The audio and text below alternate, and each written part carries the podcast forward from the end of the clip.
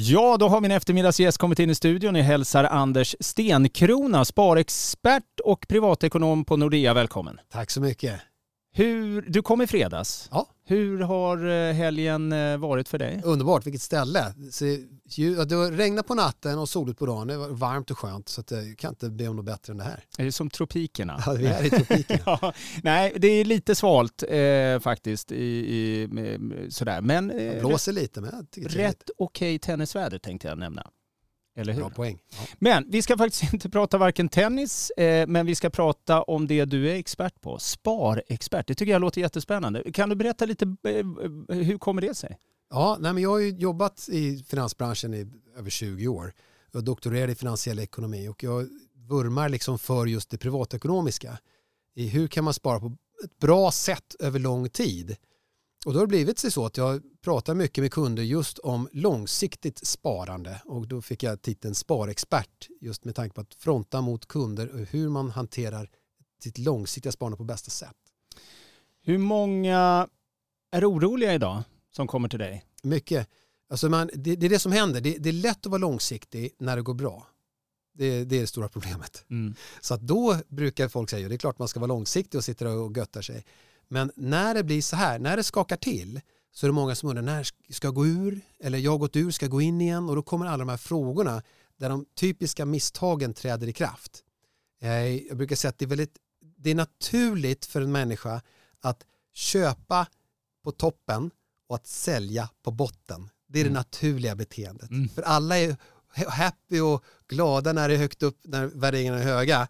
Och så går det ner och så blir man rädd och, och liksom tar sig ur och så säljer man när det är som värst. Mm. Så att det jag vill göra är att hjälpa folk att göra tvärtom. Eller helst bara ligga still. Ja. För den som klarar av att inte påverkas av dessa svängningar brukar, brukar göra bäst ifrån sig. Eh, när det gäller då, eh, om vi bara stannar lite på sparande där. Eh, idag, känns det som att folk sparar mindre? Ja, det, det, är precis vad som har hänt. Alltså, när det var om vi tar lite grann historieperspektiv här, alltså under covid-tiden så fick folk, de som fick behålla jobbet och de som hade en inkomst då fick det rätt bra. För att det gick inte att göra sig av med så mycket pengar som man var van vid. Man fick inte resa, man fick inte gå på restaurang och konserter eller vad det nu var. Så det var begränsat med hur mycket man kunde spendera. Så det, det sparades väldigt mycket pengar då. Det byggdes upp stora buffrar. Sen eh, när det här släppte då, då kan man ju, om vi tar lång story kort, så är det eh, ganska naturligt att det blev inflation. Just för att människor hade väldigt mycket pengar i bagaget mm. och kunde köra på. Räntorna höjs, för det är det enda styrmedlet som finns i Riksbankens liksom, arsenal. Så de höjer räntan och folk kan fortfarande spendera för de har, man ser först vad som händer är att folk drar ner på kanske restaurangbesök och extravaganser. Sen ser man att folk sparar lite mindre för att för att bibehålla sin konsumtionsnivå. Mm. Och sen ser man att folk använder besparingar för att bibehålla sin konsumtionsnivå. Så det här räntehöjningar biter inte så länge människor har pengar. Nej. Utan de måste hålla på tills folk får i princip slut på pengar. Och Då kommer det bita. Och när är vi där? Ja, det, det är inte det beror på vem, vilka experter man frågar, men det verkar som att vi börjar närma oss. För de här, eh, eftersom vi kan se vad folk gör, alltså att de sparar mindre, det var ju första va, äter upp av sina besparingar har vi sett ett tag nu och vi har inte hur mycket besparingar som helst. Vi börjar närma oss där någon gräns och vi har länge pratat om någonstans här till hösten att vi kanske har nått en gräns där räntehöjningar verkligen börjar göra sig kända hos folk och de måste börja dra ner på konsumtionen. Så att någonstans där, vi tror att det, det Nordea har pratat om att det kan bli en räntehöjning till men sen kanske det stannar där. Mm. Och det här är viktigt att sen kanske det stannar där betyder inte automatiskt att det går ner räntan utan vi får nog vänja oss vid att det kommer vara lite tufft ett tag framöver. Och det är inget, det är inget kul budskap men det, vi får nog göra oss beredda på det. Mm. Är det då eh, folk eh, hittar till de här eh, nischbankerna och blir eh, kanske lurade rent sagt? Nej, det vet jag inte om, om de blir... För att nischbankerna brukar de leta sig till när det är goda tider och säga att oh, jag ska få eh, investera häftiga grejer och de kanske... Alltså, vi har märkt på Nordea att när det är som tuffast går det som bäst. För det finns en stor trygghet i att man är på Nordea. Att få en lägre ränta, det är rätt svårt att få vart man än vänder sig. Eh, så att eh, alla de största seriösa aktörerna har ungefär samma samma ränta till bostad och så vidare. Och de nischbankerna brukar inte ha råd att konkurrera under tuffa tider utan då blir räntan faktiskt lite högre. De kanske kanske lättare att få ett lån på nischbanker men det tenderar att kosta i termer av högre ränta. Ja. Eh, du har pratat, vet jag, eh, när jag googlade dig, om hälsosam ekonomi. Vad, vad, vad, kan du berätta mer om det? Yes, så att vi har myntat ett begrepp här som vi kallar för hälsosam ekonomi. Där det handlar om hur kan jag få koll på min ekonomi och ta kontroll över den så det inte bara att jag sitter och spenderar alla pengar jag har varje löning. Så typ sett när jag frågar folk hur går det med, vad gör du med dina pengar så hör jag termer av jo men jag får in en lön och sen tar den slut och så får jag en ny lön och så tar den slut. Mm. Det finns liksom ingen möjlighet att spara. Så, men varför spara någonting? Då? Varför inte göra det? Så kan de säga saker som, ja men alltså jag drunknar i utgifter. Eller det, hur ska jag kunna spara när det hela tiden räkningarna kommer och jag har inte råd för kostnaderna är så höga. Mm. Så hälsosam ekonomi går ut på att få koll och lägga en budget så att du spenderar mindre än du tjänar och sen lägga det här överskottet då som flödar in till dig själv i olika hinkar som vi kallar det för. Så att du, har, så du inte behöver bli överraskad av jobbiga akututgifter eller dyra lån eller inte hamna på gatan om du förlorar jobbet. Så det här hinkarna 1, 2, 3, 4, 5 går ut på att har du de hinkarna fyllda så mår du väldigt bra och kan säga att du har en hälsosam ekonomi och mår bra när du tänker på dina pengar. Eh, otroligt bra. Det är precis det här eh, tänket som de flesta har. Jag tänker att på Nordeas hemsida så finns det kanske någon mm. eh, liten... Eh... Oh ja, kolla in på Hälsosam ekonomi eller Anders Stenkrona på Nordea så kommer du se 1, 2, 3, 4, 5 hur vi guidar igenom. Det är en, väldigt viktig eh, ja, grej som vi har pratat om de senaste ja, två åren kan man säga. Och det intressanta är att vi har pratat om det väldigt mycket de senaste två åren men när det går bra så är det inte lika intressant. Men när det är lite tuffare, typ som det har varit senaste året, så har det varit väldigt mycket uppmärksamhet på det. Ehm, det har varit mycket prat om räntehöjningar, mm. också hög inflation. Ehm, men det är, inte allt, det är inte bara negativt med hög inflation. Eh, ja, jag, vet inte, jag, jag tycker inte om inflation. Nej. jag, jag gillar inte. Eh, jag tycker att vi borde kunna klara oss utan det. Men eh, räntehöjningarna kommer som ett brev på posten när det är inflation. Helt enkelt. Och inflation innebär helt enkelt att du kan, du kan inte köpa lika mycket för dina pengar som du kunde göra förut. Det är som en, nästan som en dold skatt. Eh, så att jag tycker det är negativt med inflation. Jag tycker vi inte borde ha en situation där det är som det är. Men när man eldar på med låg ränta då får plötsligt människor råd med vad som helst och då sticker priserna upp.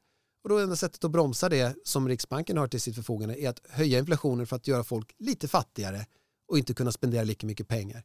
Och det, det är en ganska tuff eh, resa att när det går upp och ner, alltså förändringar, det, ekonomiska förändringar är det som folk tycker är jobbigt.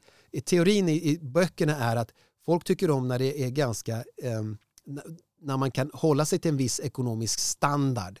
Att höja sin ekonomiska standard är ju kul, men att sänka sin ekonomiska standard är jobbigt. Så de flesta gillar när det är ungefär stabilt, kanske svagt ökande med tiden. Ja, Ja, men det kan jag ju faktiskt eh, skriva under själv på. Eh, eh men om, eh, nu, är, nu är vi där vi är. Vad ska man investera i i dagsläget? Ja, det, det första jag skulle säga är att få ordning på din privatekonomi först. Eh, och nu, nu kommer jag ta de här fem hinkarna, så häng med nu, för det blir lite minnesregler här. För det första att man riggar sin budget så att man kan spara 10% av sin lön. Och det här är inte lätt nu när allting har ökat i kostnad, så man behöver omvärdera vad man spenderar pengar på. Vad är nödvändigt? Vad är inte nödvändigt? Optimera och liksom skär bort det som inte behövs. Men sikta på att spara 10 Och när du gör det, det första du ska göra är att samla ihop till en akutkassa. Och när man säger sparande, ja men det här är reellt sparande. Det här är inga investeringar. Det här är en rejäl hink med pengar så att om det händer något jobbigt att bilen pajar, kylskåpet brakar eller du måste hjälpa katten att bli frisk, vad det än är, så har du pengarna på hand en akut situation ska kunna lösas med akutkassan och inte med akutlån. Nej. Så att när du har akutkassan på plats, 10 30 000 spänn brukar räcka för de flesta, för de mesta. Då ska du se till att betala av alla dyra lån efter det. Så att när hinken, hink 1 är full, då rinner det över till hink 2, vilket är dyra lån. Har du tagit ett dyrt lån som, ja, där räntan är högre än en börsavkastning till exempel, 7, 8, 9 procent, Den bästa investeringen du kan göra är att betala av det lånet. Det smartaste du kan göra med pengarna så att du inte dräneras på pengar av den. Bort med alla dyra lån och sen, det är hink 2, När du har gjort det, då är hinken full. Hink 3 handlar om att se till att om du förlorar jobbet, klarar du dig tills du får ett nytt jobb. Så att, och det, det, är en, det är en verklig hot mot vissa. Man kan förlora jobbet i sådana här lägen.